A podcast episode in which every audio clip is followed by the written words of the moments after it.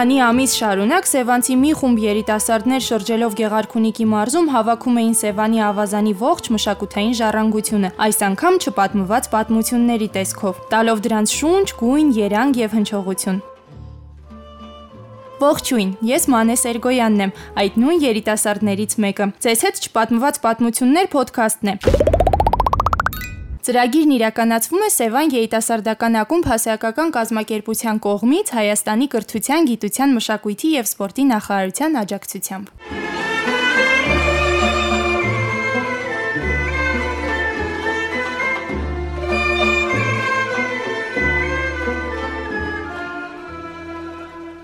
Այս էպիզոդում ծրագրի փորձագետ Բանագետ Լուսինե Ղրեջյանի հետ խոսելու ենք մարզին բնորոշ ուշապատումներից եւ ավանդազրույցներից։ Ես հիշում եմ, որ մենք գրի ենք առել ու գտել ենք, հայտնաբերել ենք շատ հետաքրքիր ավանդազրույցներ ու հուշապատումներ, որոնցից օրինակ ինձ համար բացահայտում էր դա Նժդեհի մասին հուշապատումներ, որ գտանք Ճամբարակ քաղաքից։ Եթե կհիշեք, մի քանի բառով խոսեք ու ընդհանրապես ասեք ինչ ասել է հուշապատում եւ ավանդազրույց։ Նախ սկսենք Երևի թե ավանդազրույցներից։ Դրանք ժողովրդական բանայության ամենաերկարակյաց ժանրերից են։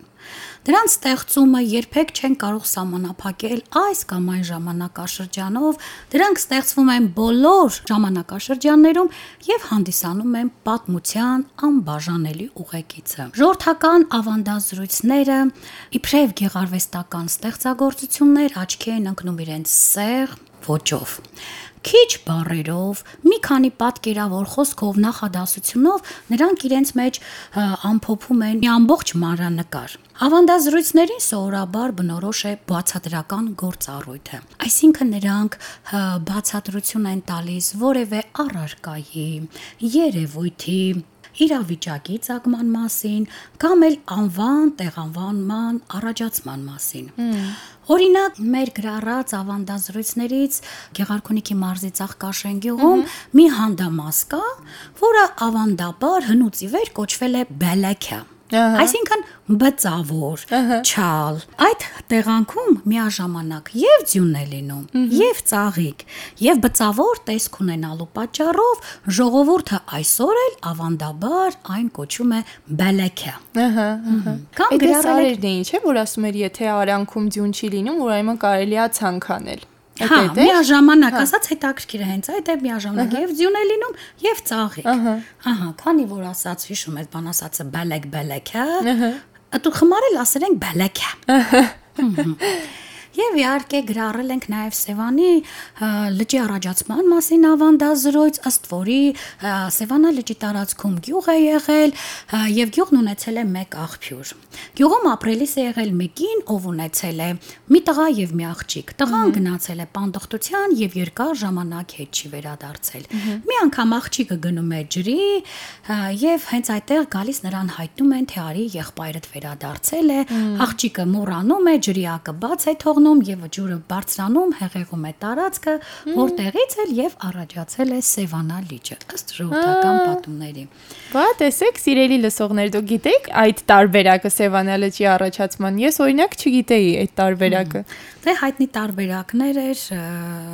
էլի նույն ջուրը բացում են, հեղեղումը, պարզապես ավանդազրույցները եւս ուներ այս տարբերակները։ Այսինքն բանայուսական ցանկացած ստեղծագործություն անպայման ունի իր տարբերակները։ Իսկ կա էլի ինչ որ ավանդազրույց կամ հետաքրքիր պատմություն լճի հետ կապված։ Ավանդազրույցները մանե ջան բավականին շատ են,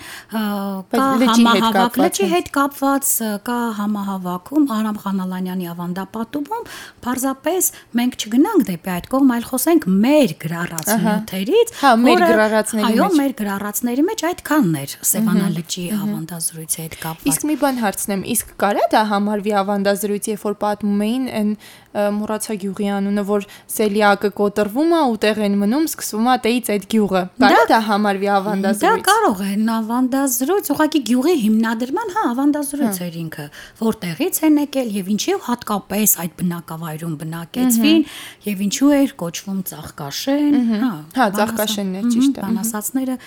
մեկնաբանում են։ պատմազգագրական այս տարածաշրջանում բավականին շատ են հայ ադրբեջանական հարաբերությունների բռնագաղթի ու կոտորածի մասին հուշապատումները։ Հուշապատումները ժողովրդի հասարակական, քաղաքական կյանքում տեղի ունեցած կարևոր պատմական ողբերգությունների վերհուշներն են։ Եվ հուշապատումի ասացողները, ինչպես տեսանք մենք, ներկայացվող ներկայացվող դեպքերի մասնակից ականատեսներն են, որն էլ ավելի արժանահավատ է դարձնում նրանց խոսքը։ Եվ տարածաշրջանից մեր կողմից գրառված, տեսաձայնագրված եւ ձայնագրված ուշապատումները Ադրբեջանի տարբեր շրջաններից, ինչպես նաեւ Արցվաշենից եւ Գետաշենից տեղահանված եւ մարզի տարբեր բնակավայրերում ապաստանած ականատես վեր ապրողների անմիջական տպավորություններն են, հուշերը, նրանց խոհերն ու մտորումները, իրենց բաժին ընկած ճակատագրի կենթանի պատկերների ստույգ եւ ճշմարտացի վերարտադրությունը։ Այսինքն ես ճիշտ եմ հասկանում, որ հուշապատումները դրանք ավելի թարմ են։ Չէ, չէ, Մանե ջան, հուշապատումները չեն կարող ասել թարմությունա։ Հուշապատումներ ունենք նաև Եղեռնի, Եղեռնից գրառված։ Պարզապես մենք ներկայացնում ենք մեր տարածաշրջանին բնորոշ հուշապատումները, թե մեր տարածաշրջանին կոնկրետ բանահյուսական ո՞ր ժանրերն են այսօր կենսունակ։ Մենք դա ենք ներկայացնում։ Եվ հիշում ես մեր բան ասած է շողակատ համայնքի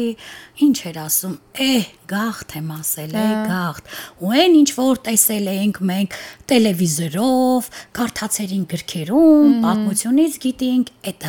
այդ ամբողջը մենք տեսել ենք, այդ դառ օրերը արծվաշենցին ապրերա, չէ՞, ափաստում էր մեր բան ասածը։ Ու այն ինչ որ մենք ենք տեսել, ոչ մեկ չի տեսել, պատմելու չէ, իսկական գախտ կոտորած։ Ես այնքան կուզեի, որ իրականում մեր լսողներն էլ հնարավորություն ունենային մի օր թեկուզ հասնել Ճամբարակ ու լսել այ տարածաշրջանում ապրող արծվաշենցիների պատմությունը, ու թե ինչպես են իրենք պատմում այդ ամեն ինչը ու ոնց են վերապրում այդ հույզերը, այդ բոլոր ապրումները, այդ ամբողջ պատմելիս ինքը արտասվում էր եւ չէր կարողանում թաքցնել։ Հիշում էր իր իրենց բոլորն էին հիշում իրենց բնորանի կարոտն էին քաշում, հիշում են իրենց բնորանի ծաղկում, փտտում կյանքը եւ ինչ էր ասում, բադատալու երկիր էր։ Ինքը սեփական վերլուծություններ էր անում, դատողություններ էր անում եւ մենք հավատարիմ իհարկե մնալով ականատեսների բանավոր խոսքին նրանց պատմածները արձանագրեցինք մանրամասն եւ արձանագրեցինք, չէ, եւ տեսաձայնագրեցինք, գիտակցելով, որ նրանք մեզ են փոխանցում իրենց ամեն աննվիրական գաղտնիքը, որpիսի մենք հետագայում փոխանցենք նաև մեր սերունդներին։ Եվ այդպես էլ падգամում էր բան ասածը։ Ինչքան ինքն ուներ ամբողջ արծվաշենի քարտեզը ինքը ներգծել թաղամասերով, յուրաքանչյուր թաղամասի անունները, անգամ իր մոտ ուներ գրած բնակիչների անունազգանունները, ոնց էր մարդը հիշում ու իր հիշողության մեջ ուղղակի դաջել էր այդ ամեն ինչը հիշողության դաժան էր նրա պատմածը։ Շատ գաղթ, իսկական գաղթ, ինքն էլ ասում էր իսկական գաղթ, այն ինչը որ մենք տեսել էինք, լսել էինք գրքերից, պատմությունից գիտենք, այդ մենք սեփական մարմնի վրա զգացինք։ Մենք ինքներս տեսանք եւ զգացինք։ Եւ ես մեր լսողներին կուզեմ ասեմ, որ ես վստահ եմ, որ ձեզ հետաքրքիր է մենք ինչ ենք խոսում ու ինչպես Տիկին Լուսինեն ասեց, մենք ունենք այդ ամեն ինչի վիդեո տարբերակները ու դուք կարող եք YouTube-ում ուղակի հավաքել չպատմված պատմություններ ու նայել նաեւ մեր ճամփորդական վիդեո շարք շարքը։ Այ դու ասացիր, մեր բան ասածը մեզ ներկայացրեց Նժդեհի մասին։ Պարզապես դա ինձ համար բացահայտում էր իրականում։ Դա Մանե ջան ավելի շուտ ոչ թե հուշապատում էր, այլ դա պատմական ճշգրտում էր ավելի շուտ եւ վերածվել էր ժողովրդական զրույցի, այսինքն դա պատմվում էր, ասվում էր եւ մեր բան ասածը շատ ցանկություն ուներ, որ պատմական ճշգրտումները եւս կատարվեն։ Եկեք մի, մի քանի խոսքով ասենք, որpիսի մեր լսողներն հասկանան ինչի մասին է խոսքը։ Մենք հանդիպեցինք մի մարդու ճամբարակ քաղաքում եւ այ մեր բանասացներից մեկը ինքը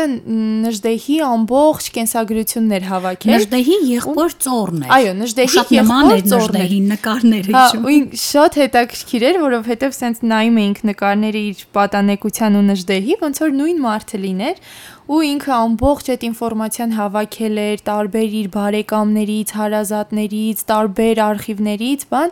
որ ապացուցի, որ Նժդեհը իրականում ճամբարակ քաղաքից է ու ինքը ծնվել, մեծացել է ճամբարակ քաղաքում, ունտեղ գնացել է դպրոց, մինչև պատանեկություն ապրել է ճամբարակում։ Ու հետո երբ որ գնացել է ճամբարակից, մի քանի անգամ անգամ հետ է եկել ճամբարակ նորից, ու ունտեղ կար Նժդեհի ծնողների մասին նաև, որ այդ հայտնի անուն ազգանունները, որոնք որ որ կան, որ մենք գիտենք Նժդեհի ծնողների, դրանք իրականում նրա իրական ծնողների անուն ազգանունները չեն, այլ դրանք այն ծնողներին են, ովքեր որ իրեն օգնել են, որ ինքը կարողանա բանտից դուրս գա, երբ որ բանտարկված է եղել։ Ինչքան հիշում եմ, պատմում էր, որ Նժդեն երբ Թիֆլիսում բանտ է ընկնում, ահա մայրը գնում է քահանային խնդրում է, որպեսզի քահանան դուրս բերի Նժդեհին բանտից, Նժդեհի անուն ասած իսկական օհան է։ Ահա Ահա։ Եվ քահանան իր ծոցագրպանում ունեցել է ծխամատյանը, որտեղ գրված եղել նաև իր մահացած տղայի անունը՝ Գարեգին Տեր Հովանիսյան։ Ահա։ Եվ ըստ ասացողի իբր թե քահանան գնում եւ ներկայանում է ներկայանում եւ ասում է որ սա իմ տղան է սա էլապացույց Գարեգին Տեր Հովանիսյան այո որովհետեւ այդ ժամանակ մահացած է եղել քահանայի տղան ճիշտ է ու ինքը այդ ծննդականում կարողանում է դուրս հանի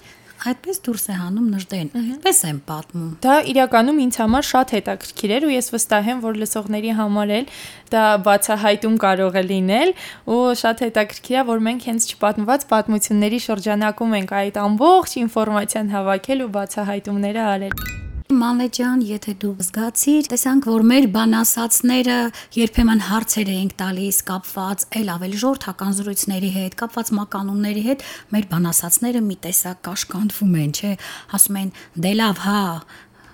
հավես չկա, կլսեն կնեղանան, թե չէ բալաջանեն դե բան կա պատմելու, որը հա մի անգամ այն համախոս է ժողովրդական տես առածին, ասում ձկան հարցերին ծովից ինչ խաբար, ասած խաբար շատ ունեմ համաբերանես ջրով լիքն է։ Այսինքն շատ բան խոսել ցանկացողի, սակայն որոշակի պայմաններում կաշկանդվածի համար անպայման գործածում հետևյալ առածը։ Պատմությունները շատ-շատ էին, բանասասներն իրենք էլ ցանկանում են խոսել, բայց զգում էր, որ կաշկանդվող բաներ շատ ունեն։ Դե ինչ, այսքանով ավարտենք մեր այս էպիզոդը։ Եթե դուք լսում եք հետաքրքիր պատմություններ, հուշապատումներ, ավանդազրույցներ, չգիտեմ, հեքիաթներ, ինչ որ հետաքրքիր պատմություն, որը որ կարող է ձեզ թվա, որ դա հետաքրքիր է եւ դեռ չբացահայտված, ապա դուք ինքներդ գրի առեք, որpիսի այդ պատմությունները չկորչեն ու չանհետանան եւ դառնան ոչ մշակութային արժեքներ։ Դե, լավ մնացեք, հաջողություն, կհանդիպենք հաջորդ էպիզոդում։